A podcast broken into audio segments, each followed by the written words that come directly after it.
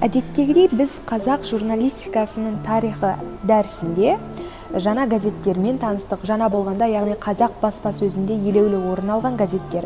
Солардың бірі 1917-1918 жылдар аралығында шыққан қазақтың жалпы ұлттық бағыттағы демократиялық басылымдарына тоқталып өтейін. Оның біріншісі садақ қолжазба журналы.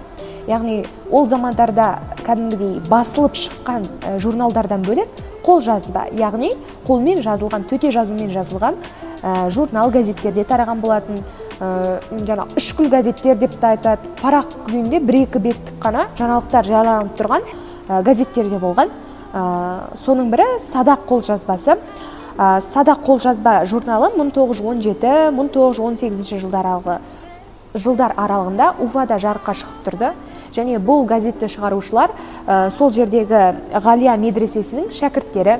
Бұл газеттің негізгі мақсаты бағыты сол уфаға оқуға келген қазақ жастарына бағдар беру оларға өнерге ағартушылыққа білімге құштарлығын ояту және аз да болса ә, жаңағы қазақ жерінде болып жатқан жаңалықтардан хабардар ету. Аз да болса сондай жаңалықтардан хабардар ету мақсаты болған. Сонымен оның негізгі бағыты деп біз мәдени ағартушылық бағытын айта аламыз. Ә, және ә, ол, ол жерде жарияланған негізгі ә, материалдар ол қысқа әңгімелер әзілдер очерктер ауыз әдебиеті өлеңдер тағы да басқалар жарияланып тұрған. Сонымен келесі басылым бізде сарыарқа газеті. Сарыарқа газеті 1917-1919 жылдар аралығында ә, семейдегі алаш басқа, ә, баспаханасында шығып тұрды.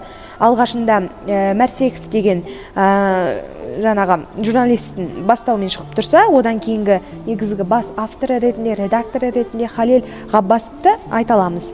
Және бұл газеттің ерекшелігі қазақ газетімен үндес. Яғни рухани сабақтас болып келеді. Яғни алаш идеологиясын қолдады деген мақсатта. Және ең көп материалдар жариялаған авторлардың бірі жүсіпбек аймауытов. Мақалалары көбіне қоғамдағы маңызды саяси оқиғаларға бағытталған.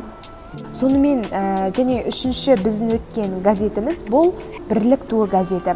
Бірлік туы газеті негізі 1917-1919 жылдар аралығында жарық 18 жылдар аралығында жарыққа шыққан ташкентте аптасына бір рет шығып тұрған газет негізгі негізін қалаушы мұстафа шоқай. Ә, мұстафа шоқай бұл өзінің ә, негізгі идеологиясы бойынша бұл көбіне мұсылмандарды біріктіру түркілерді біріктіру осындай автономиялыққа ұмтылыс жалпы ұлттық мағынаға ие бағыттардағы саяси мақалаларды жариялап отырды. Мәселен ә, жалпы бұл бірлік ту газетінде жарияланған мақалдар мысалы мақалалар ә, бостандық һәм автономия сырдария қазақ қырғыз съезі кім дос кім қас деген секілді өткір мақалалар да жарияланып тұрды. Ә, сонымен қатар бірлік туы газетінің негізгі бағыттарын біз беске бөліп қарастырамыз. Ол біріншісі бізде автономияны жақтады. Яғни қазақ осы мұсылман халықтармен бірге немесе түркі халықтарымен бірге өзіндік қазақтылығын сақтай отырып автономия болуға тиіс болды. Осы бағытта жүзеге асты. Және екіншісі бұл түркістан мұсылмандарына ортақ бағытта жарияланған газет болды. Және саясаттағы сотқарлықты ашып өтті саясаттың ә, сойылын соққандардың әшкереледі деп айтсақ та болады. Және төртіншісі бұл алаш идеясын ә, қабылдады. Және бесіншісі бұл оқу ағарту ісімен шұғылданды.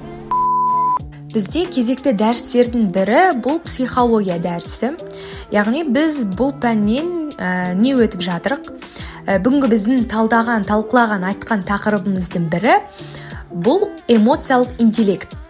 Эмоция дегеніміз бұл адамдардың немесе жануарлардың ішкі және сыртқы ортадағы тітіркендіргіштерге беретін реакциясы яғни ішкі көңіл күйі яғни ішкі көңіл күйін адамның ә, оның сырт келбетінен көре аламыз оның көңіл күйінен көре аламыз оның айтқан сөздерінен оның күлген күлкісінен барлығынан білуімізге болады. Яғни адамның көңіл күйі ол бізге ә, бірден білініп тұрады. Және осы эмоциялық интеллект дегеніміз ә, осы адамның өзінің эмоциясын басқаруы оны орынды жерде қолдана білуі. Мәселен ә, белгілі бір келеңсіз оқиға болып қалған кезде адам шектен тыс сабырлылық көрсетсе басқалар ай бұл адамға бәрібір екен ғой деген ой қалыптасады ол адамдарда. Яғни адам әрбір эмоциясын әр жерде орнымен шегімен қолдану керек. Сонымен қатар эмоциялық интеллектті ә, ғылым тілінде AQ деп атаймыз. Ал барлығымызға белгілі адамның ой санасы бұл IQ көбіне жұмысқа алатын кезде адамдарды осы ой өрісі жоғары болсын деп қалайды. Бірақ ірі компанияларға IQ-нен қарағанда AQ жоғары адамдарды алады екен. Себебі IQ жоғары адамдардың ортаға сіңуі өте қиын болады. Себебі олардың ойлау қабілеті басқаша көзқарасы басқаша болуы мүмкін. Ортамен сыйыспай өзі бөлектенуі мүмкін. Ал AQ дегеніміз бұл адамдармен жақсы қарым қатынас еркін форматта сөйлесе алуы көн, ә, көтеріңкі көңіл күйі жалпы айтқанда команданың ішіндегі өзінің орнының болуы сол командаға тезірек ортаға сіңіп кетуі. Ә, осындай жағдайлар көп болады екен. Ә, және мысалға алатын болсақ үндінің императоры ашок ә, ол интеллекті жоғары тұлға болған. Сонымен қатар махатма гандиді алсақ та көшбасшылық қабілетімен де осындай жоғары эмоциялық интеллектінің жоғары болуымен сабырлығымен өзіндік ерекшелерімен ерекшеленген. Ал мысалы дональд трампты алып қарасақ ол иә жақсы лидер. Ә, мықты сөзгер деп айтсақ жарайды.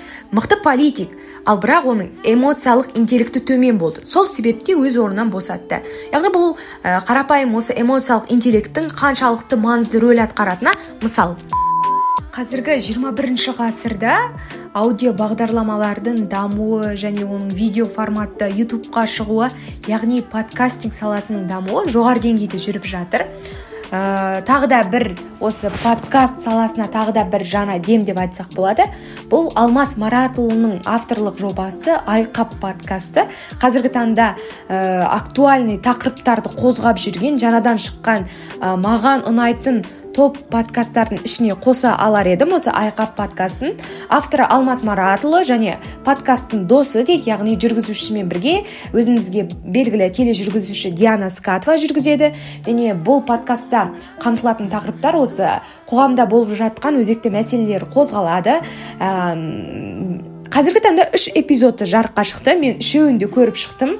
Ә, сіздерге де кеңес бере алатын едім осы подкаст тыңдауға әсіресе бұл жерде мысалға ә, қазіргі таңда мұрат есжан яғни ә, ахмет ұлт ұстазы одан кейін барып міржақып оян қазақ атты тарихи теле, телесериалдарды түсіріп жүрген ә, танымал режиссерлардың бірі болып айналып келе жатыр деп айтсам қателеспеймін.